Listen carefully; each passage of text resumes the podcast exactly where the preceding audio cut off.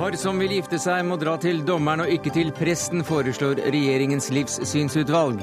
Det er helt feil, vi lever ikke i et trosnøytralt samfunn, mener KrF. At kirken fremdeles kan vie, viser at Ap-toppen har hørt mer på mor enn på Marx, mener Gudleiv for i Dagbladet. Forslagene til nye pensjonsregler som er lagt fram i dag er ganske uforståelige, men får konsekvenser for flere hundre tusener, mener kommentator. Et demokratisk problem at flertallet ikke aner hva som skjer, mener akademikerne.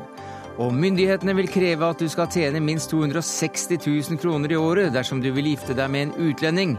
Burde vært høyere, mener Frp. Burde vært lavere, mener Jussbuss.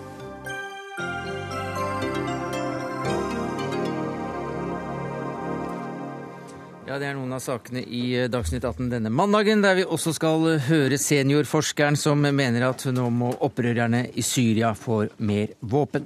Men vi begynner med det nok mange synes er ganske oppsiktsvekkende anbefalinger fra Livssynsutvalget, som la fram sin rapport i dag, og som altså råder regjeringen bl.a. til å fjerne kirkens rett til å vie par, og som ellers ville begrense kirkens rett til å være eksklusiv seremonimester i andre sammenhenger.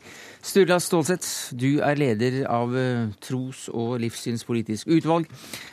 Vi, hva blir de viktigste forskjellene på Kirkens rolle i framtida og, og, i dag, hvis utvalgets majoritet får det som den vil? Jeg tror at eh, sånn som vi tegner en visjon for et, eh, det vi kaller et livssynsåpent samfunn, i et slikt livssynsåpent samfunn så vil Den norske kirke med sitt store medlemstall og med sin tradisjon og historie i dette landet Eh, spille på mange måter en, en, en, spille en, svært viktig rolle, og den vil ligne på den rollen den spiller i dag. Hva er forskjellen? Men forskjellen vil nok være at eh, det er enda eh, tydeligere at Den norske kirke ikke kan spille rollen som statens eller myndighetenes eneste redskap eller instrument, kanal, for å ivareta alle borgernes mm. tros- og livssynsinteresser og praksis. I hvilke sammenhenger da særlig? Nei, Da tenker vi f.eks. på eh, hvordan eh, staten forholder seg til minoritetene, til de andre eh, religiøse minoritetene. At det er likebehandling som ligger til grunn for det. I hvilke seremonier eller seremonielle forhold er det vi snakker om? F.eks.? Ja, hvis du snakker om seremonier, så å tenke på dette med eh, eh, offisielle sammenhenger hvor f.eks store tragedier eller store gleder eh, feires, så sier ikke vi at ikke det er naturlig at Den norske kirke eller andre tros- og livssynssamfunn feirer og markerer det veldig tydelig. Det vi sier er at det er naturlig at eh, staten, at det offentlige, eh, har både en fellesmarkering som ikke er delegert til ett enkelt eh, tros- og livssynssamfunn, heller ikke Den norske kirke, og at uh, offentlige myndigheter kan delta i og invitere mangfoldet av tros- og livssynssamfunn. Mens det i dag mens det i, da, i dag så uh, har det vært uh, i en del tilfeller. Nå kan man drøfte hva som var tilfellet f.eks. etter 22.07. Det var en, en, gudstjeneste, og et år etterpå så var det en gudstjeneste igjen. Og det var Den norske kirke som arrangerte mm. dette, og myndighetene kom dit. Men spørsmålet er om myndighetene i tilstrekkelig grad Eh, anerkjenner det livssynsmangfoldet som er der, gjennom den måten de markerer det. Hva med bisettelser, begravelser? Eh, det vil være som før. Det som er det enstemmige forslaget i vår eh, innstilling, er at gravferdsforvaltningen, som i dag er tillagt de kirkelige fellesrådene å forvalte på fellesskapets vegne, at det er naturlig å overføre til kommunene. Det er fordi dette er eh, en grunnleggende tjeneste for hele befolkningen, eh, som det er naturlig at ikke er tillagt ett trossamfunn. Eh, men det er eh, stor tilfredshet med måten de kirkelige mm. fellesrådene har gjennomført dette på. Så dette er et prinsipielt standpunkt som faktisk alle utvalg som har vurdert dette før oss, mm. også har kommet fram til det samme. Men uh, Kirken har altså hatt, om ikke enerett, så i hvert fall de facto en foretrukken rolle i en god del sammenhenger, også for store seremonier. F.eks. nå i en kommende framtid, når kronprinsen overtar som konge, hvordan skal det skje da? Ja, Det har ikke vi drøftet spesielt, men der er det jo to spørsmål som kommer, til, kommer fram. og Det ene er jo spørsmålet om Grunnlovens paragraf fire, som fortsatt står eh, at kongen skal stetse tilhøre den evangelisk-lutherske eh, religion. I et utblikk utover kirkeforliket, utover mandatet som vi var gitt, så sier utvalget at det kan være naturlig at den prosessen som er i gang med et skille mellom stat og kirke i Norge, at den videreføres. og det kan bl.a. føre til at mm. den paragrafen bortfaller. Men så et annet spørsmål som da dukker opp, er at også for kongen og for kongefamilien må det jo også være en tros- og livssynsfrihet som gjelder. Og det kan jo ikke være slik at ikke eh, kongen skal kunne eh, markere viktige eh, begivenheter også i mm. en eh, kirkelig eller trossamfunn. Helga Byfuglien, hva synes du som biskop og preses i Den norske kirke om, eh, la oss ta dette forslaget om å ta fra kirken vigselsretten? For det første vil jeg si at Kirken er veldig glad for den eh, rapporten som vi ser i dag. Den er eh, uttrykk for noe som Kirken har ønsket, nemlig et tydelig uttrykk for hva som er statens oppgave i forhold til å ha en støttende religionspolitikk, og så legge til grunn en likebehandling. Så Kirken jubler for å bli fratatt vigselsretten? Eh, så gjelder det vigselsretten. Det var det jeg spurte Ja, og det handler om at Den norske kirke, men også andre tros- og livssynssamfunn som fyller visse kriterier, har vigselsrett. Og eh, for egen del så syns ikke jeg at det er noe eh, godt forslag. Det handler om eh, for det første at de fleste kulturer, også vår kultur, er det en tradisjon på at store begivenheter i livet også innebærer den religiøse dimensjonen. I tillegg til at det er en borgerlig ordning at man gifter seg i kirken. Hva synes du da om dette forslaget? Som sagt, Jeg syns ikke det er noe godt forslag, og dette er jo av de tingene som vil bli drøftet i etterkant. Jeg tror at i alle fall så vil Kirken bidra når folk inngår ekteskap, enten det blir en obligatorisk borgerlig eh, formell inngåelse, men, eh, men jeg syns ikke forslaget er det som eh, er det beste i det som ligger i dag. Så langt eh, da Kirken selv eh, over til politikerne her. Av en eller annen eh, grunn så har fornyingsministeren også kirkepolitikken i sin portefølje, Rigmor Aasrud. Så hva sier du da til dette forslaget til fornyelse ved å fjerne Kirkens rett til å vie par? Først så vil jeg si at jeg syns det er mye godt arbeid som er gjort av Stålsett-utvalget. En livssynsåpent samfunn, det er noe jeg tror vi alle sammen kan slutte opp om. Så, så tror jeg at det med vigsel er det jo mange som har vigselsmyndighet i dag, sånn som preses her sier. Eh, mange flere er Den norske kirke. Og jeg føler ikke at det er noe rop i det norske samfunnet for at vi skal frata eh, tros- og livssynsorganisasjoner muligheten til å vie folk. Og dessuten så vil det jo være sånn at du da må først gjennomføre en borgerlig vielse, og så må du i kirka eller i synagogen eller hvor det nå skulle være hen, eh, og få en velsignelse eller en eller annen seremoni etterpå. Og for meg så virker det jeg, oppfatter ikke at det er det det norske folket i dag står og roper etter. Jeg tror det er mange andre forslag i Stålsett-utvalgets innstilling som det er verdt å diskutere. Men, eh, men jeg syns ikke det med vigselsrett, å dele det på flere instanser, er det som eh, er det viktige. La oss holde oss til akkurat dette med vigselsrett, Knut Arild Hareide. Hva syns du om dette som leder for Kristelig Folkeparti? Nei, Her er jeg veldig enig med kirkeminister Aasrud. Jeg tror dette blir mer eh, byråkrati. Eh, det blir sånn at eh, når du gifter deg, så må du altså da først til byfogden, og så i kirka eller synagogen. Jeg tror det er en ordning som fungerer veldig godt i dag. Det er en positiv tradisjon at vi drar i kirka og gifter oss. Og så syns jeg det er viktig. Det er jo sånn at for de som ikke ønsker det, så er det et godt tilbud i dag. De kan gå til byfogden. Eh, men jeg vil òg si den ramma som kirka legger rundt eh, bryllupene, er òg veldig bra. Så tror ikke jeg at hvis dette forslaget blir innført, så tror jeg likevel veldig mange ville brukt eh, kirka. Men hvorfor endre på en god tradisjon som fungerer godt, det ser ikke jeg noen grunn til. Nei, hvorfor det? Nei, her er utvalget delt. Og, og, jeg som utvalgets leder er tilhører mindretallet, så jeg er egentlig ganske eh, enig med det som sies rundt bordet her. Men, Men du må skal, jo stå brask og bram med utvalgets flertall. Det, det, er det jeg gjør, og ja. det er derfor jeg sier at, og det deler jeg med utvalgets flertall også. Det er noen viktige prinsipielle forhold her. Og som man enten man er på den ene eller andre posisjonen, må ta, uh, ha viktig fokus på. Og det gjelder ikke-diskrimineringselementet. Det gjelder kvinner, eh, det gjelder skilsmissetilgangen, det gjelder homofile og lesbiske. Eh, de kan oppleve det meget eh, stramt å bli avvist av sitt tros- og livssynssamfunn og ikke få lov til. Og vi kan oppleve det som en diskriminering. Mm. Og statens delegering av sin myndighet på dette området kan av dem oppfattes som at staten legitimerer den diskrimineringen mm. som ligger i reservasjonsretten eller nektingsgrunnene mm. som ligger til vigsling. Ja, og Dette er en problemstilling som vi må ta på alvor. Men i dag er det jo sånn at uh, trossamfunnet. De har muligheter til å regulere dette, og det syns jeg er viktig ut ifra et eh, religions- og trosfrihetsperspektiv, at menighetene bestemmer dette. Eh, men det er en ordning som fungerer veldig godt. Det er ikke noe stort rop etter endring på dette området. Og jeg syns òg det er veldig viktig. Eh, den minoriteten, eller de som ikke ønsker å gifte seg i kirka, de har gode alternativ. Og òg andre trossamfunn har jo nå mulighet. Human-Etisk Forbund har òg muligheten til å vie mennesker i dag. Så det er altså et bredt spekter med tilbud, og det fungerer godt. Mm. Hvor langt skal denne ikke-diskrimineringsretten gå, syns du, Byfuglin? Jeg tror det er vesentlig at de ulike tros- og livssynssamfunnene får drøfte seg frem til det som er deres synspunkt. Og jeg ønsker ikke en ordning der noen offentlig myndighet gjennom ordninger tvinger dette. Slik er det jo heller ikke i dag så er det muligheter for de som vil gifte seg borgerlig. Der er en god seremoni i forhold til det.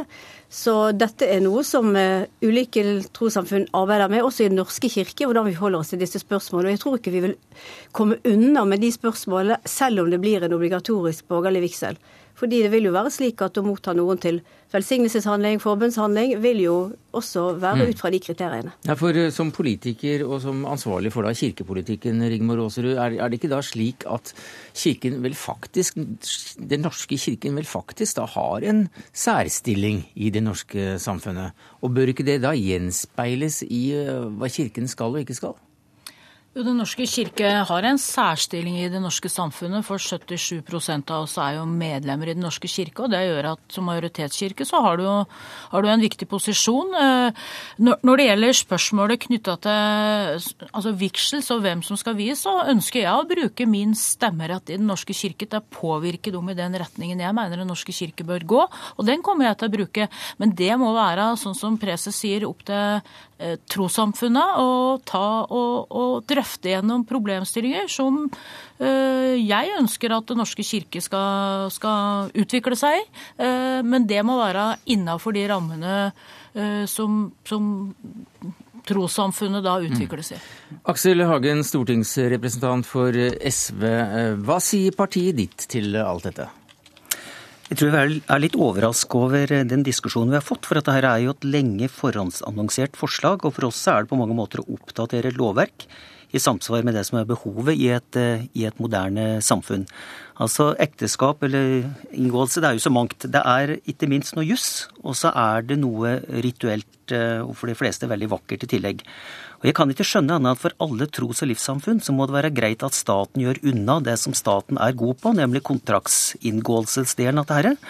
Og så kan vi alle, når vi gifter oss, gå ut i de tros- og livssamfunn vi mm. måtte ønske å gå til, og så, foret, og så, gjennomføre de fester eller eh, ritualer eller, mm. Eh, som, som, eh, vi gjør i dag, og som jeg er helt sikker på at vi kommer til å gjøre på mer og mer spennende måter framover i et mer mangfoldig samfunn. Gi staten det statens er, og Gud det Guds er. Det er jo slik i dag at det er det offentlige som har ansvar for at det formelle i orden rundt en ekteskapsinngåelse. Slik at eh, når eh, f.eks. Kirken vier, så er det formelle lagt til grunn fra folkeregisters side og det som er sendt inn der. Og så er det selve ekteskapsinngåelsen med de religiøse dimensjonene som, som er i kirken. Men hvem var det som innstiftet ekteskapet? Ja, Ekteskapet er jo en samlivsform som har vokst seg frem gjennom eh, tiden i ulike kulturer og religioner. Står ikke det sted at det er Gud, da? Det som vi fra kirken sier, det er at, eh, at fra skapelsen av så var mennesket ment til samliv. Og samliv mellom mann og kvinne er jo det som eh, de fleste lever i. Ja, Og nå skal ikke kirken få vie lenger? Kirken har til nå fått vie, og jeg ønsker at vi fortsatt skal få anledning til det. Eh, og Det betyr likevel at vi har en klar bevissthet om at dette er en borgerlig ordning som samfunnet har gitt Kirken og andre tros- og livssyn mandat til å utføre. Og så er det da slik at så mange ønsker at eh, denne dagen også skal ha noen andre perspektiver ved seg, som i Kirken handler om velsignelse. Hvor, hvor langt skal uh, trosnøytraliteten gå, Hareide?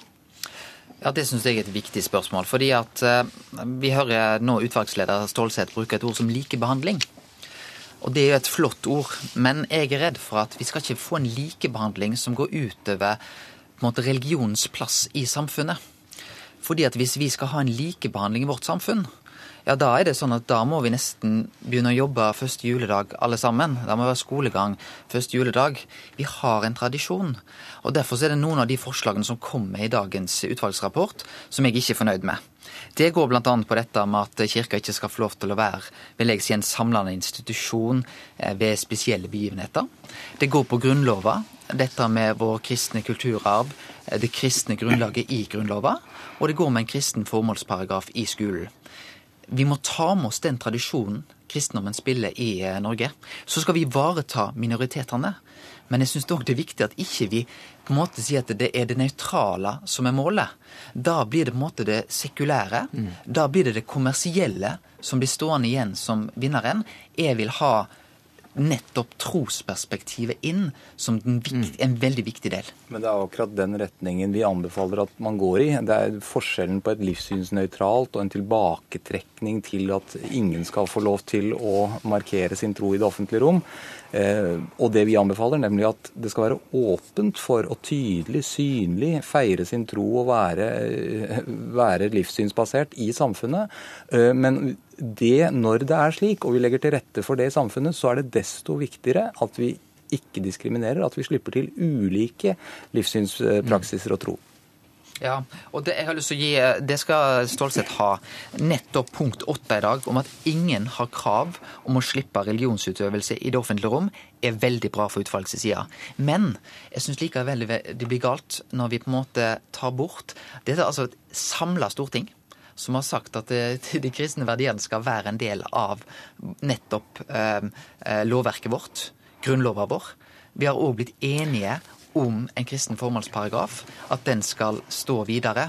Da syns jeg det blir litt spesielt av et utvalg eh, å ta bort nettopp det som et samla storting er enig om. Men, men, det er ingen her som har sagt den skal ta bort muligheten for å markere ekteskapsinngåelse. Det flertallet sier, er at den skal innom en ubyråkratisk eh, eh, vielsesinstitutt eh, i det offentlige, gjerne på kommunalt nivå. altså kan bruke samme begrunnelsen her for å legge til kommunen som en gjør når det gjelder gravferdsforvaltning. Så ligger det i bunnen. Og så kan en gå ut i det enkelte tros- og livssynssamfunn. I dag er jo dette ganske rotete etter hvert, for det er noen livssynssamfunn som vil og får den retten. Andre har ikke fått den og vil heller ikke ha den. Så vi har et ganske ugreit landskap.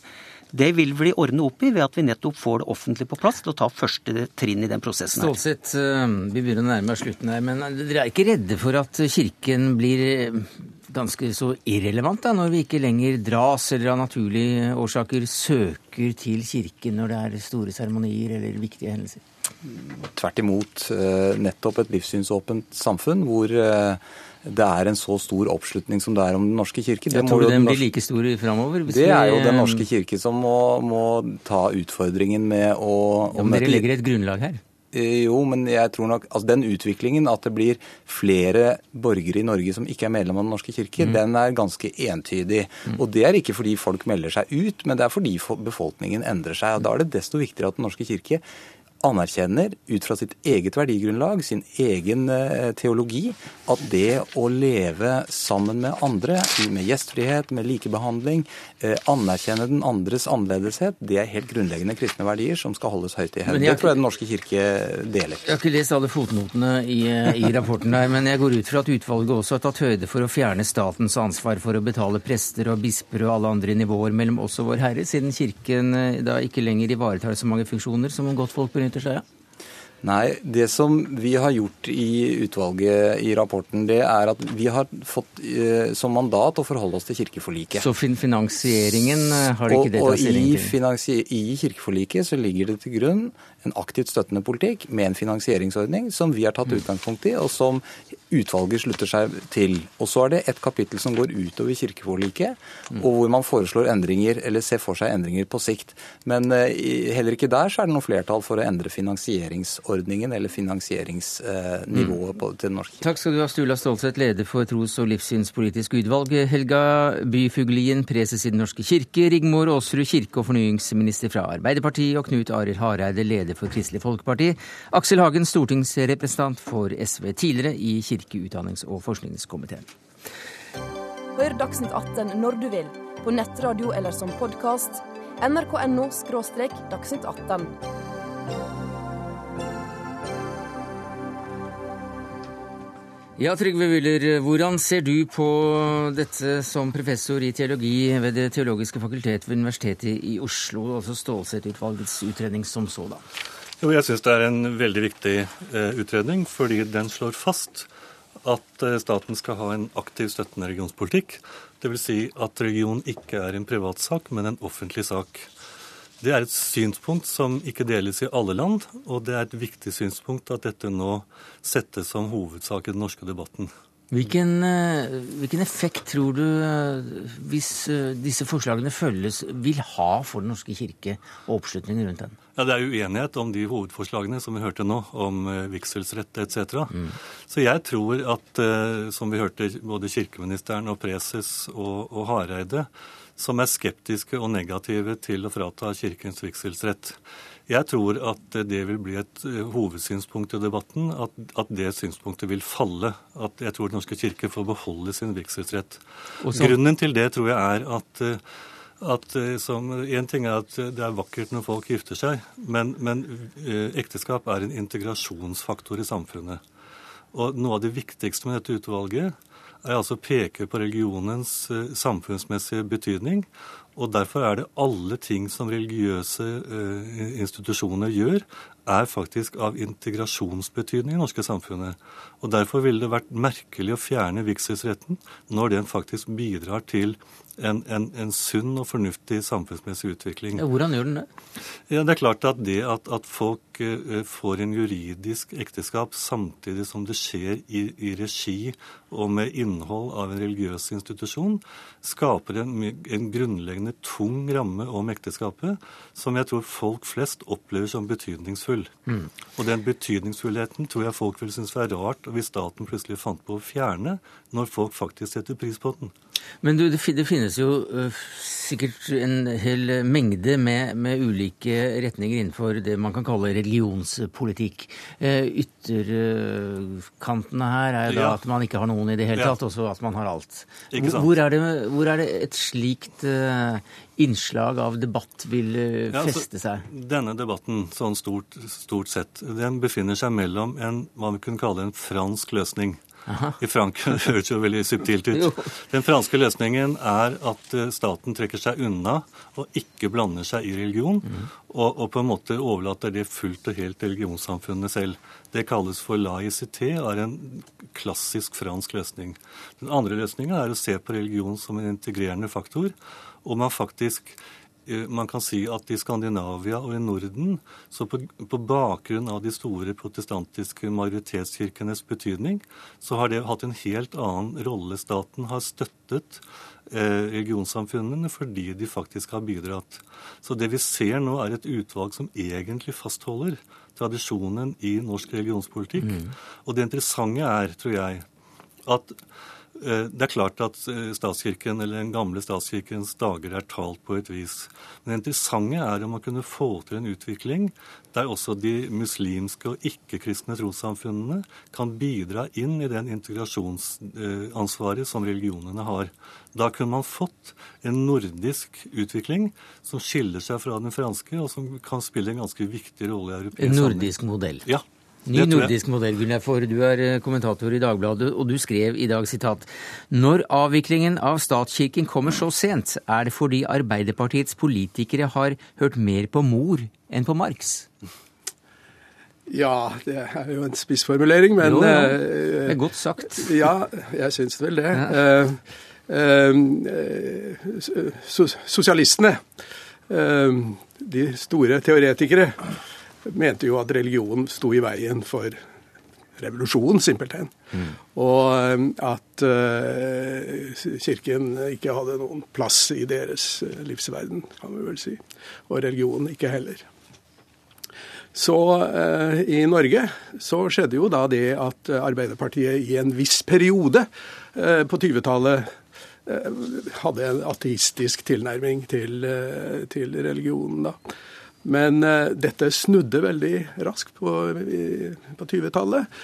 Og jeg prøver meg da på en forklaring på dette. Altså, det må jo være fordi noen av disse pionerene og toneangivende pionerer uh, hadde et annet syn på dette og forsto det norske samfunn på en helt annen måte enn de sosialistiske teoretikerne, som de også leste.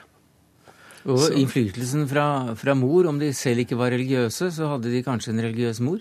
Ja, mange av dem hadde det. Eller iallfall en mor som, som var vokst opp. Mødrene var jo vokst opp på 1800-tallet, ikke sant? da mm. kirken spilte en enda tyngre rolle enn, en den har gjort på 1900-tallet.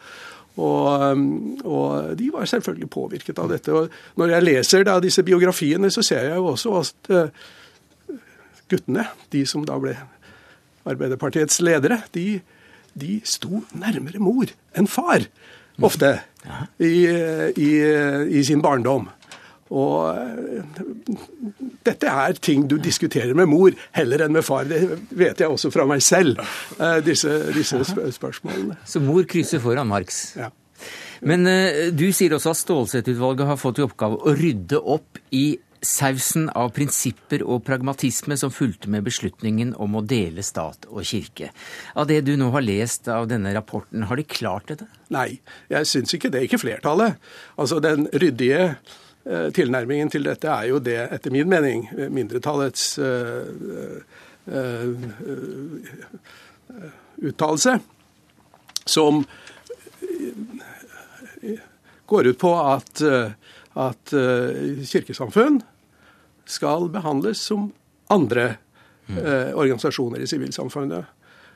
Det er, sånn som vi har det nå, så har jo Den norske kirke fått en særstilling blant livssynssamfunnene. Mens livssyns- og trossamfunn får en særstilling blant sivilsamfunnets institusjoner og organisasjoner. Eh, mindretallet sier jo at de vil at uh, trossamfunnene og livssynssamfunnene skal behandles på samme uh, måte. Det er jo økonomisk det er snakk om her primært. Ja, Er det det, eller er det økonomisk uh... Nei, det tror jeg er altfor lettvint. Og jeg, det er en morsom uttalelse å høre mer på mor enn på Marx, men ja. Han er, eh, for er historiker også? Jo, jo, men han, han jeg tror nok forhører mer på det jeg ville kalt for en fransk løsning.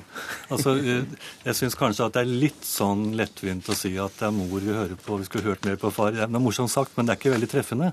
Fordi denne mindretalls, den, den delen av utvalget som får sympatiserer sympatisere med, nemlig mindretallet som ønsker å fjerne økonomisk støtte. Det er nettopp den franske løsningen. Staten mm. skal trekke seg unna. Og det jeg syns eh, flertallet, og, men, men for ikke klarer å svare på, det er at det er faktisk viktig for et samfunn at religion fins, og religion spiller en viktig rolle i folk hverdagsliv. Det er ikke et mors synspunkt, det er et grunnleggende menneskelig synspunkt. Det får sikkert for anledning til å svare på, for her kommer vi til å gå flere runder. Denne, denne rapporten skal ut til en omfattende høring før man eventuelt tar stilling.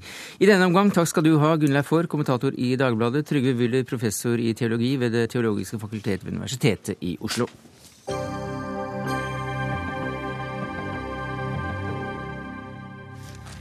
I går talte Syrias president Bashar al-Assad til folket for første gang på syv måneder.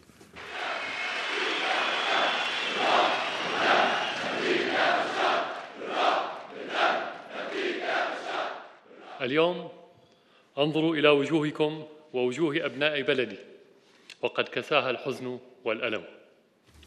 Presidenten ble møtt med publikums forsikring om at de vil ofre seg for ham med både kropp og sjel, mens Assad begynte sin tale med bekymringen for barna han treffer. De smiler ikke, de leker ikke, de er fulle av sorg og lidelse. Operaen i Damaskus var stappfull. Et begeistret publikum stormet scenen for å klemme på sin president. Men hva slags forestilling var nå dette, Henrik Thune? Du er seniorforsker ved NUPI, Norsk utenrikspolitisk institutt. Ja, Man må vel si at dette er en forestilling man har sett før. Mm. Uh, man så en lignende forestilling under litt andre omstendigheter i, i, Bagdad i sin tid, med Saddam. Man så noe lignende i, uh, i, Libya med Gaddafi. Så dette er en president som sitter uh, med sin innerste kjerne og ikke ser noe annet enn det perspektivet han har, og det at han vokter Syrias framtid. Og alt annet enn det, det er ingen mulighet. Men vi hørte jo samtidig at han Han snakket om folkeavstemning, han snakket om parlamentsvalg, han snakket om en ny regjering. Ja, Men, men, han, han, har ingen villighet til å møte den andre parten. Så det han sier nå, som han også sa i sommer, er at, eh, at han vil ha fred. Men de som, de som, slåss, de er eksterne, de kan han ikke snakke med, de er terrorister. Så han, han åpner ikke opp det som mange i forgårs og på fredag håpet, nemlig en liten mulighet for at her skal man kunne få i gang en politisk prosess. Det gjorde han ikke. Torgeir Larsen, som statssekretær i Utenriksdepartementet, så er vel du også da blant de spesielt interesserte som fulgte med på en slik forestilling. Du er også tidligere diplomat i området. Hva fikk du ut av dette? Jeg er ikke uenig i det, det Tune sier. Det er uh, en for så vidt mer presset president Assad eh, i dag enn uh, de gangene han har talt for en god stund siden. Det mener jeg vi kan høre. Men samtidig åpnes det ikke noe rom for en form for kompromiss, politisk vei, som, som, er en nødvendig vei ut av det vi ser på, på bakken, mm. dessverre. Men eh, vi så jo da, og kommentarer eh, i avisene har også pekt på at det var en veldig avslappet eh, og, mann som snakket med autoritet. Ja, og det er kanskje ikke så rart, ikke sant? fordi denne krigen her som har pågått siden, siden mars 2011, ganske lenge, snart, snart to år, eh, en krig hvor folk har sittet her i dette studioet her og varslet Assads fall ganske mange ganger, eh, pågår fortsatt. Og Assad er i dag ikke noe mer truet enn hva han var for noen måneder siden. Og Det er på en måte det som er kjerneproblemet i hele denne konflikten, her, er at det er to parter. De slåss om det samme. Ingen av dem ser ut til å kunne vinne dette militært. Så Assad er fortsatt ganske trygg der han sitter, og det er ikke mye som har beveget seg i retning for at han skal falle. Eh, og Det betyr at han beveger seg rundt og ser en verden der, der framtiden er en mulighet til å vinne Syria tilbake. Men det er urealistisk, og det er den samme form for mangel på realisme som, som Saddam hadde i sin tid, og som også Gaddafi preket bare noen, noen, måneder før han falt. Et slags diktatorsyndrom, som du kaller det. Ja, altså det er et bunkers mentalitet mm. på en eller annen måte. Men eh, samtidig som du da sier at eh, det ser ikke ut som, kan, uh, som om noen kan vinne denne krigen rent militært. Det vil altså si at hvis det i det hele tatt skal bli en løsning, så må den bli politisk. Hva skal til for å få til en politisk løsning? Eh, med få ord øke presset på Assad. Eh, lage en opposisjon som er realistisk i forhold til at folk omkring Assad kan hoppe over til den eh, og lage trusselen overfor Assad og hans framtid helt reell. Og så sette i gang det som FN forsøker, men ikke får til, en forhandlet utgang av hele konflikten. Men hva skal da til for å øke dette presset? Eh, det er å styrke opposisjonen. Og, på hvilken måte? Nei, altså, Noe har man allerede gjort. ikke sant? De siste månedene har på en eller annen måte vært positive. Man har fått i gang en samling av opposisjonen, samlet åtte grupper. Man har begynt å koordinere eh, den militære delen av opprørsbevegelsen inn i Syria. Og så begynner noen å støtte det militært med etterretningsinformasjon og med annen militær støtte som de trenger for å øke presset mot Assad. Så for så vidt så vil det være positivt hvis opprørerne opprørerne, opposisjonen, fikk økt militær støtte fra det internasjonale samfunnet? Ja, eller for å si det sånn, altså, Dette minner litt om første verdenskrig. Så En krig på, på sletter som ingen kunne vinne, og som gikk og gikk og gikk. Eh, I denne krigen her så kommer man også til å ha en krig som går og går og går, hvis man ikke greier å forskyve tyngdepunktet. Og i en krig så er den ene måten man må hjelpe til med det på, det vil være å også bidra militært på denne siden. Og det kommer til å skje. Hva sier du til det, Larsen?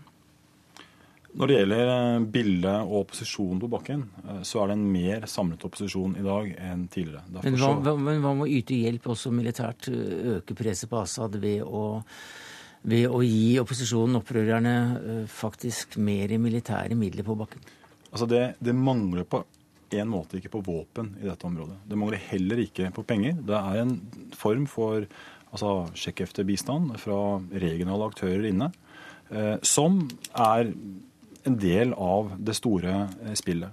Den politiske virkeligheten den handler om en samling. Eh, den samlingen har gradvis funnet sted. Eh, derfor så har vi, i likhet med nokså mange andre, sagt at opposisjonen, koalisjonen i dag, eh, representerer eh, det vi da kaller for den legitime representanten for det syriske folk. Så er det veien derfra. Og vi, som Norge, har sagt at vi ønsker å støtte opp om den opposisjonen videre. Men ikke militært? Militært eh, kommer vi ikke til å støtte. Norge har en veldig klar linje i forhold til eksport eh, av mm. våpen, eh, som er noe av det strengeste i verden. Det skal være et klart mm. folkerettslig mandat i bånn før vi går inn på militær løsning. Ja, og dette er jeg helt enig i. Altså, Norge har ikke noe i Syria eller Midtøsten å gjøre med våpen i det hele tatt. Og det er ikke sikkert at noen land bør dytte inn mer våpen inn i Syria. Men militær støtte dreier seg om mange ting, og det har allerede skjedd. Det var før jul en diger konferanse i, i Tyrkia der man prøvde å samordne de ulike gruppene. Og Målet er akkurat det samme. Det er å gjøre presset overfor Assad mer realistisk. Og det er også å støtte den delen av, den, av opposisjonen i Syria som, som ikke Eh, som ikke er orientert mot Al Qaida, som ikke er radikale islamister, som vi har hørt mye om på norske nyheter, men som er en annen side for å flytte tyngdepunktet i den retningen. Og Det dreier seg ikke om våpen, men det dreier seg om å bygge opp omkring de enkeltgruppene som tidligere da eksisterte løsrevet. Mm. For du eh, sammenligner i, i, Dagsavisen på fredag, var det vel, eh, den situasjonen vi har i Syria nå, noe med det vi opplevde i Bosnia, nemlig Eh, en apati, eller i hvert fall en manglende evne til å, å, gripe inn fra det internasjonale samfunnet når vi ser at uh, lidelsene bare øker? Ja, så vi sier sånn Militært sett og som en konflikt, så er jo det som skjedde på Balkan noe helt annet enn det som skjer mm. i Syria. Det er jo et imperie som på en måte falt sammen ikke sant, i, i, på Balkan. I Syria er noe annet. Men, men Europas dilemma er mye av det samme. Uh, handlingen fra europeiske regjeringer har kommet sent i forhold til Syria. Den kom sent også i forhold til Bosnia. Eh, og jeg tror man må være ærlig nok til å si at så lenge amerikanerne ikke er der og presser i forhold til handling, så skjer det ikke så mye. Eh, sånn var det i Bosnia, og der gjelder sammenligningen. Og sånn har det også vært i forhold til Syria. Først etter det amerikanske valget, først etter at Obama var villig til å begynne å føre utenrikspolitikk igjen, etter å ha vært i en slags amnestiperiode opp til valget, så har fått i gang noen av disse små prosessene som, som tross alt går i riktig retning i forhold til å finne en endelig politisk løsning i Syria. Uh når det gjelder amerikanske posisjoner, så, så, er det viktig også å huske her at eh, det er faktisk europeiske land som har vært i, i førersetet i forhold til å gå lengst med opposisjonen. Mm. Selv Norge eh, var tidligere uten USA i forhold til å gi uttrykk for vår anseelse av uh, opposisjonskoalisjonen. Så Norge ventet ikke på det amerikanske valget? Vi var ute to dager før. Uh, amerikanerne uh, kom med sin uttalelse.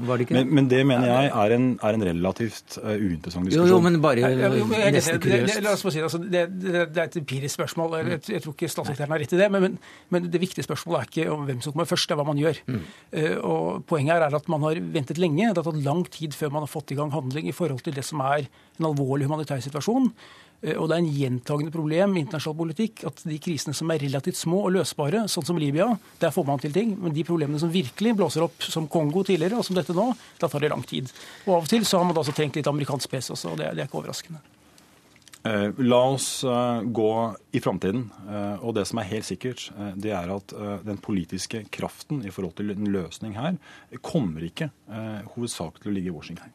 Eh, og Det er for så vidt en, en, en, noe endring i forhold til eh, noen år bakover. Når det gjelder en eh, framoverlent amerikansk posisjon i Midtøsten, så er den justert i øyeblikket. Eh, og Det er en utfordring både for regionen og for Europa. Mm. Eh, men jeg tror at kimen til en løsning, en politisk løsning må komme fra regionen selv. Og Der er noen av for så vidt håpene. Jeg hadde senest i dag besøk av den iranske ambassadøren her i Oslo i forhold til den iranske fredsplanen. Eh, da kan man ha mange meninger om den, men det er et faktum at Iran eh, ligger nå lenger frampå i forhold til å snakke om politiske prosesser enn det Assad gjør, og mye lenger fram eh, enn det de gjorde for en stund siden. Og det er en grunn til det. Men, men her, ligger et av de viktige, alvorlige problemene, og det er at, at Iran driver en, en, offensiv diplomatisk utad. Men Iran bruker også Irak som et transittland for store mengder av våpen som går inn til Assad. Mm. Det, det, er et hovedproblem. sånn at, at, krigen er ikke først og fremst en diplomatisk konflikt, det er først og fremst en konflikt inne på bakken, og hvor ulike land i Midtøsten velger seg ulike parter og går inn og gjør konflikten verre enn hva den strengt tatt hadde trengt å være. Liv Tørres, som mm. generalsekretær i Norsk Folkehjelp, så har du sittet musestille mellom Henrik ja. Thune og Torgeir Larsen her nå i eh, ti minutter nesten. Men du har da altså ferske inntrykk fra området, for du besøkte uh, tilstøtende grenser bare for noen uker siden. Og mm. hvordan vil du beskrive den situasjonen som både flyktninger forteller om, og som de opplever i dag? Situasjonen er desperat. De forteller om, om nød, om tap, tap av slektninger, familiemedlemmer, eiendeler eh, og forferdelige historier om overgrep og vold rundt dem. Og så forteller de, og, og, vi så med egne øyne, om forferdelige situasjoner også for flyktninger i nabolandene. Altså dette er en konflikt som har store regionale spillover-effekter. Eh, vi snakker om rundt en million flyktninger i nabolandene. Eh, sannsynligvis mer når vi snakker om reelle tall. Og de lever under vanskelige forhold der og legger press på naturressurser, vann f.eks., som det heller ikke er, er, mye av i utgangspunktet. Bare det er en belastning på nabolandene. Og så får du da i tillegg alle disse politiske interessene fra naboland og grupper som griper inn i mm. Syria-konflikten. Men, Men akkurat, er... akkurat, i dag, hva slags humanitære behov er det som flyktningene har, og som folk som rammes direkte i nærheten av grensene har? De har behov for alt. De har reist fra omtrent alt. De har mistet eh, husene sine, de har måttet dra fra slektninger. De, de, mangler vinterklær, og dette er tøffe måneder vi er oppe i også der nede i regionen. De mangler alt. Mat, medisiner, varme osv. Henrik Tune, eh, vi hørte her at det var snakk om spillovereffekter til, til regionen. Altså, eh, hva slags hva slags utløsende faktor kan denne krigen være for, for, en, for en større konflikt i området? Sånne ting er jo uhyre vanskelig å si noe om i det hele tatt. Men, men eh, Syria ligger jo på et sånn krysspunkt i Midtøsten som, som gjør situasjonen veldig viktig for hva som skjer andre steder. Eh, vi ser at Den største faren som, som, finnes nå, det er at det som nå er i ferd med å bli en slags sekterisk konflikt internt i Syria mellom Shia-bevegelse på den ene siden, alawitter riktignok, men allikevel på Shia-siden av islam, mm. og Sunni på den andre siden, at det blir en konflikt som ikke bare skjer i Syria, men som også går tvers igjennom hele Midtøsten. Og Det er det som er i ferd med å skje. Eh, Saudi-Arabia, som et sunni-arabisk land, går inn på sunni-siden og støtter den. Iran går inn på den andre siden. Og regimer tar stilling i forhold til i forhold til religiøse spørsmål i, i Syria. Og det har en åpenbar spredningsfare til mange andre land i Midtøsten. Jeg vil litt tilbake til det Liv Tørres eh, var eh, inne på eh, når det gjelder den humanitære utfordringen. Fordi Liv Tørres beskriver her en virkelighet som er prekær i øyeblikket. Og Én ting er behovene for humanitær assistanse. Der har vi i Norge sagt at det er en hovedagenda for oss. Men jeg vil peke på én ting til, og det er hva jeg kaller for humanitært politisk. Vi er i en realitet i øyeblikket hvor vi går inn i en fase hvor det blir mer og mer maktvakuum på bakken. Og manglende grunnleggende mangel på respekt for hjelperne, dvs. Si humanitære prinsipper på bakken, er et stort problem. Både fra opposisjonssiden og fra Damaskus-siden. Eh, og Det er en agenda som, eh, som, vi er opptatt av, eh, både overfor opposisjonen. Det har vært én mm. av forventningene våre når vi nå har sagt det vi har sagt om deres politiske rolle. Vi forventer at de da lever opp mm. til en seriøs, en seriøs status som de da ønsker å innta i verdenssamfunnet gjennom å respektere grunnleggende humanitære prinsipper. Og Ved nyttårsleite så var det altså da ifølge FN 60 000 mennesker som har blitt drept i landet bare da siden mars. Takk skal du ha, Henrik Tune, seniorforsker ved NUPU, Torgeir Larsen, statssekretær i Utenriksdepartementet, og Liv Tørres, generalsekretær i Norsk Folkehjelp.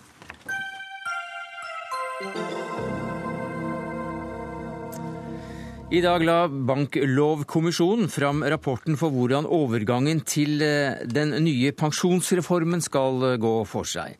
Og er da dette noe vi bør være interessert i, økonomikommentator Steinar Medios? Ja, Det syns jeg absolutt. Men eh, du kan jo godt si det slik at dette er et område som er så innfløkt og så komplisert at det, ja, du kan si Det eneste som er, man er helt garantert for når det gjelder tjenestepensjoner, er at eh, det er garantert uforståelig for folk flest. Men det er flere hundre tusen som er berørt? Og det er milliarder av kroner det handler om. Eh, og det er vanlige mennesker som også blir, får en, en, annen hverdag i sin pensjonstilværelse når pensjonssystemene endres. Hva er det som endres? Først og fremst så er det slik at de, det pensjonssystemet vi har i dag, det er ikke det de kaller bærekraftig. Det har lovet mer enn det kan holde, og det har sammenheng med to faktorer. Det ene er at vi da er så heldige å leve lenger enn, enn de som beregner pensjoner og slikt, eh, har sett for seg. Og det andre er at den risikofrie renten den er så lav nå at selskapene greier ikke å tjene de pengene de hadde sett for seg. Så dermed så må disse ordningene justeres slik at de blir bærekraftige, som det heter. Men vi har da eh, et par begreper som vi må innom. Det ene er ytelsespensjon og innskuddspensjon. Hva er det? Ja, Ytelsespensjon det er en slik pensjonsordning professor Selvik selv har. Han er garantert 66% av sin siste lønn når han går av som pensjonist. Det er mange som har det i Norge. Hele offentlig sektor har det, kommunene har det, Høyesterett har det osv. Og, og for den saks skyld 600 ledere i, i Statoil har også dette. De som har individuelle avtaler, sørger jo for at de får de beste ordningene. Men det er folk flest, de som er på gulvet, som ikke får A-ordningen, men de får B-ordningen. Og dermed så får vi altså store forskjeller i tiden som kommer mellom de som er på A-laget og de som er på B-laget. Hvordan er den justeringen som det er foreslått eh, nå, hvordan vil den virke? Ja, justere, Det er to områder dette, dette, slår ned på i forhold til vanlige mennesker. Hvis du tar nå eh, de 450 milliarder kroner som er satt av eh, i, i poliser, sånne som kalles som allerede er betalt, med garanti for, på 3,5% etter omkostninger. Denne garantien prøver man nå å bli kvitt på to måter. Den ene er å tilby kunden å forvalte disse pengene selv. Og det andre er at man begynner å legge de over i egne aksjeselskaper. Iallfall så drøftes dette i det utvalget som Selvik har ledet. Men det, det, som er viktig, er at man ser for seg nå mer og mer at dette skal bli en sparebøsse og ikke en garantert ordning. Det blir en sparebøsse hvor man også blir tilbudt å forvalte pensjonskronene sine selv. Så det blir en slags eh, en, en, en ja, skal man kalle det, en eh, superbutikk. Eh, hvor da amatørene skal forvalte sin egen pensjonsformue. Mm. Og det er veldig krevende. Og det er det også næringslivet som er ganske fornøyd med, og finansnæringen. Foreløpig har vi notert fra meldingen som er kommet, Erling Selvig. Du er leder altså for Banklovkommisjonen. Hvilke store fordeler har dette? Det er et tiltak for å møte en utvikling som har nå vart ganske lenge. Eh, dels eh, da med svake finansmarkeder, som Mediås nettopp sa, og dels ved at levetiden har økt meget dramatisk, og dermed utbetalingene fra selskapene har økt meget. Men det er to andre ting som er vel så viktige, og det er at for det første så bygger det ytelsesordningssystemet som vi nå har kjent det både i privat sektor og offentlig sektor, bygger på folketrygd i sin gamle form. Vi fikk en folketrygdreform for noen år siden. Og, den eh, bygger på en annen ordning. Den bygger på en ordning som Medios nettopp beskrev, nemlig at man sparer opp en pensjonskapital gjennom ved tilskudd årlig. Og så deler man den kapitalen eh, på forventet levetid når man tar ut pensjon. Mm. Ytelsesordningene er, har definert ytelsen på forhånd, men til gjengjeld så varierer da innbetalingene Eh, avhengig av hva som trengs for å kunne betale ut de ytelsene. Man fikk etter eh, behov og ga etter evne. Ja, og, men, men eh, nå skal man jo ikke overdrive betydning av rettsregler på et noe som helst område. Fordi livet går ofte sin gang uavhengig av rettsregler. Mm. Og, og, her er et av problemene at kostnadene ved de nye ordningene, også folketrygden, har jo økt veldig som følge av levetid. Eh, og for mange bedrifter som da ikke automatisk kan velte kostnadene over på kunder, så er det kostnadskontroll og kostnadskutt. Mm. Knut Årbakke, du er leder i Akademikerne, som representerer 160 000 eh, arbeidstakere. Hva får du ut av alt dette? For det første så syns jeg at det er verdt å si at det er mye i den 200-siders rapporten som er kommet i dag, som er bra og som tar videre pensjonssystemet i privat sektor for å tilpasse det til eh, pensjonsreformen og folketrygden. Eh, så der er vi helt på linje. Det måtte gjøres, og det var oppdraget man fikk. Men det man da har også gjort, det er at man har eh, åpnet proppen litt for heftig. For det at man sier at disse ytelsesbaserte ordningene de skal opphøre, og de skal konverteres til noe annet. Og Logikken i en ytelsesbasert ordning er at risikoen for avkastning på den formuen du har stående i et selskap, eh, den er selskapets. Og det vil si at de skal garantere det en ytelse. Hvordan de forvalter pengene, det er opp til de selv. Eh, men de skal gi deg den ytelsen. Det gjør, du, ja, det, gjør du, det gjør, at du, kan vite hva du får i pensjon. Um, alle andre ordninger som er foreslått, de innebærer at denne risikoen skyves fra livselskapene til arbeidstakerne, og i noen tilfeller litt på arbeidsgiverne. Men det betyr at du også kan få større gevinster ut? Det betyr at du også kan få større gevinster ut. Men dette er litt som flytende rente og fastrente. Altså Hvis du setter pengene dine i banken til fast rente, så vet du hva du får. Og når det gjelder pensjon, som kanskje ved siden av bolig er den største formuen til folk flest, så er det faktisk viktig å ha noen prinsipper i bånn som gjør at det er mulig å sikre seg med denne typen ordninger. Det er det ene. Det andre er at eh, så lenge arbeidstakere en god del arbeidsgivere, og også faktisk pensjonstilbydere, sier at en ytelsesbasert ordning vi fortsatt, vil vi fortsatt ha, så syns jeg det er ganske rart at lovgiveren vår skal gå inn og si at nei, det får dere ikke lov å ha. Mm. Eh, denne paletten eh, knyttet til pensjon må være så stor som mulig. Vi må finne gode løsninger som gjør at både arbeidsgiver og arbeidstakere og livsselskaper kan leve. Ja, uh... Jeg har hørt de fleste av de argumentene selvfølgelig i Banklovkommisjonen. Der er det jo 30 stykker som sitter, hvorav da representant for akademikerne er, har vært én. Det er mange interessegrupper, og det gjør selvfølgelig nesten umulig å gjøre alle til laks i, i denne sammenhengen. Det som er et utgangspunkt, er at de pensjonsrettigheter som er opptjent, de er grunnlovsvernet og er i behold.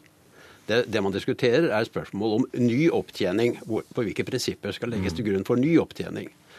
Uh, og der er da forholdet at den gamle ordningen som, som da uh, liker, den bygger på gammel folketrygd. Mm -hmm. Ja, men jeg, må ha et ja. par, par bemerkninger ja. på det. Den som følge av folketrygdreformen så må det systemet endres under alle omstendigheter.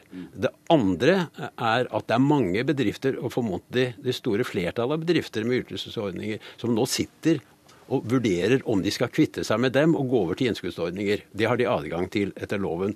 Selvfølgelig kan det bli avtaler med arbeidstakerne som begrenser den adgangen. Men, men det er veldig viktig å være klar over at det er et press på ytelsesordningene både særlig fra bedriftene. Eh, halvparten av de ytelsesordningene vi har, er nå avviklet. Steinar Medios, kort til slutt. Eh, hva tror du kommer til å skje med denne rapporten eller arbeidet med å få en overgangsordning?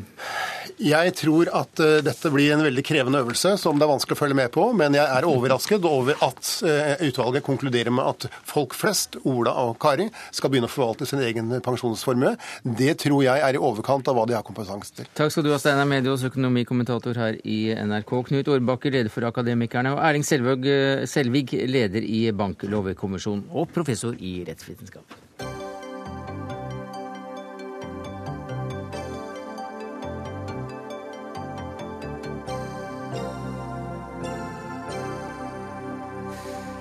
Det skal fortsatt dreie seg om økonomi, for i dag så må du være god for en årslønn på minst 242 000 kroner dersom du vil gifte deg med en utlending og etablere familie her i Norge. Beløpet har vært kritisert for å være altfor høyt, men nå vil Justisdepartementet heve inntektskravet med ytterligere 20 000 kroner. Og Siri Solen, du er medlem av utlendingsrettighetsgruppa hos Jussbuss. Hva synes du om at beløpet nå skal heves? Eh, vi hos Jussbuss mener at dette er problematisk, fordi vi mener at det verken er nødvendig eller formålstjenlig med et enda høyere underholdskrav i familieetableringssaker. Og det er fordi eh, det er, eh, underholdskravet er ment til å ivareta noen formål, bl.a. selvforsørgelse. Og i vår praksis på Jussbuss, vi mottar eh, i overkant av 3000 saker om familieinnvandring, eh, så ser vi hvordan eh, mange sliter med å oppfylle kravet til underhold. Eh, og eh, vår klientgruppe er jo for oss veldig mange utlendinger som har gjerne kortere oppholdstid i mm. Norge. Og de har løsere tilknytning til arbeidsmarkedet, som gjør at de strever med å oppfylle underholdskravet. Mens du Per Sandberg, som leder av justiskomiteen for Frp, du mener at regjeringen ikke går langt nok? De går et lite skritt i riktig retning, da. Ja, eh, fordi at eh, Det er jo en kopi av en del av det Fremskrittspartiet la fram når vi fremma eget forslag på ny utlendingslov. Eh, og det er klart at Forutsetningene for å få lov til å komme til Norge må jo i første omgang være, i hvert fall i hovedsak, at du greier å forsørge deg sjøl og den du ønsker familieforening med.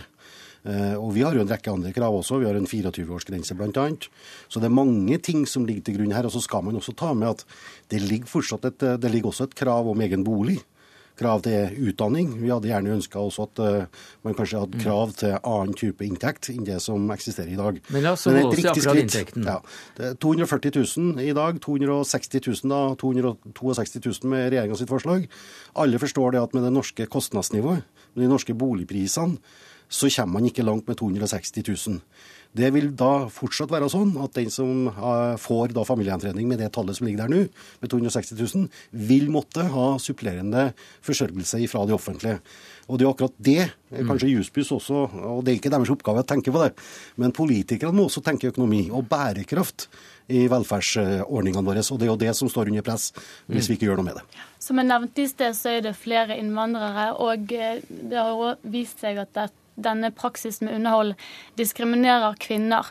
Eh, og det er nettopp fordi de har en løsere tilknytning eh, til arbeidsmarkedet. Og eh, dagens krav til underhold er ikke bare inntekt, men det er òg krav til streng dokumentasjon. Og problemet er jo at man må vise at man har en fast arbeidskontrakt. Så det er faktisk flere som oppfyller kravet til underhold. Eh, bare at de oppfyller ikke de kravene til dokumentasjon, Mm. som i praksis vil et, eh, et, et enda, enda, høyere krav til inntekt gjøre denne situasjonen eh, særdeles vanskelig. Og dermed så virker den skjevt ved at kvinner også kommer dårligere ut. Ja, det, det, det er noen forbedringer i forhold til det eh, forskrift og lov som ligger der i dag. Eh, Blant annet så har vi mange eksempler på det at man ikke faktisk får med det, det inntekter man har. For man går året tilbake, og da trenger man nødvendigvis ikke hatt inntekt. Men så har man fått fast jobb og kanskje har god inntekt, men så forholder myndighetene seg til da gamle Mm. eh, dokumentasjon osv. Der har vi et forbedringspotensial. Men fortsatt så vil det være sånn eh, at og jeg, jeg, bare få lov til å si det også for programlederen sa at man får ikke lov til å gifte seg. Jo da, man får lov til å gifte seg. det er ikke noe hinder i forhold til det. Men det er et, et, en restriksjon i forhold til at vi skal ta inn statsborgere eh, som da blir en utgiftspost. Eh, og Vi søker da å få til ordninger som gjør at folk blir selvforsørgende. Og vi har lagt inn mye mer eh, i forhold til å integrere, Mm. og få også da, hvis det er bare utlendinger vi snakker om, men det er ikke det, altså. Men det er, det er, det er egentlig en annen pott. jeg får Men, mange krasse meldinger fra nordmenn som ikke får hente ektefelle. ja, nettopp. altså. Ja, ja. Det, det er vel en god del av dem også, ikke minst eh, studenter. Det stemmer. Eh, vår klientgruppe er nok eh, ikke den eh, eh, Det er ikke studenter vi ser flest av der. Eh, eh, etter Jussby sin praksis så ligger jeg for grunn til å tro at det er flest eh, utlendinger. Dette eh, altså eh, personer som ikke har norsk statsborgerskap. Dette Som det slår gjelder. urimelig ut for. Men Sandberg, eh, hva bør grensen være da for, eh, å, for inntekten? For det første så tror jeg at vi må, gå bort, vi må gå bort ifra det som vi kaller nettoytelser. Eh, Og det er en, en stor utfordring for oss. For at husk på at her snakker vi om hvor, hvor, høyt må inntekten være? Vi begynner å nærme oss slutten. Vi har ikke fastsatt noe tall, men vi mener fortsatt at 260 000 er altfor lite i forhold til krav. Legge seg mer på en stortingslønn? Ja, det, da, det er for lite det også, tenkte jeg å si. Nei, men altså, ta, ja, vi, vi må nesten bare avslutte her, er for nå slår gongongen. Per Sandberg, Ja, okay. takk skal du ha som leder for justiskomiteen. Siri Solund ved utlendingsgruppen hos Jussbuss. Det var det vi rakk i Dagsnytt 18 denne mandagen, takket være Siri Storstein Hytten, Per Ivar Nordahl og Sverre Tom Radøy.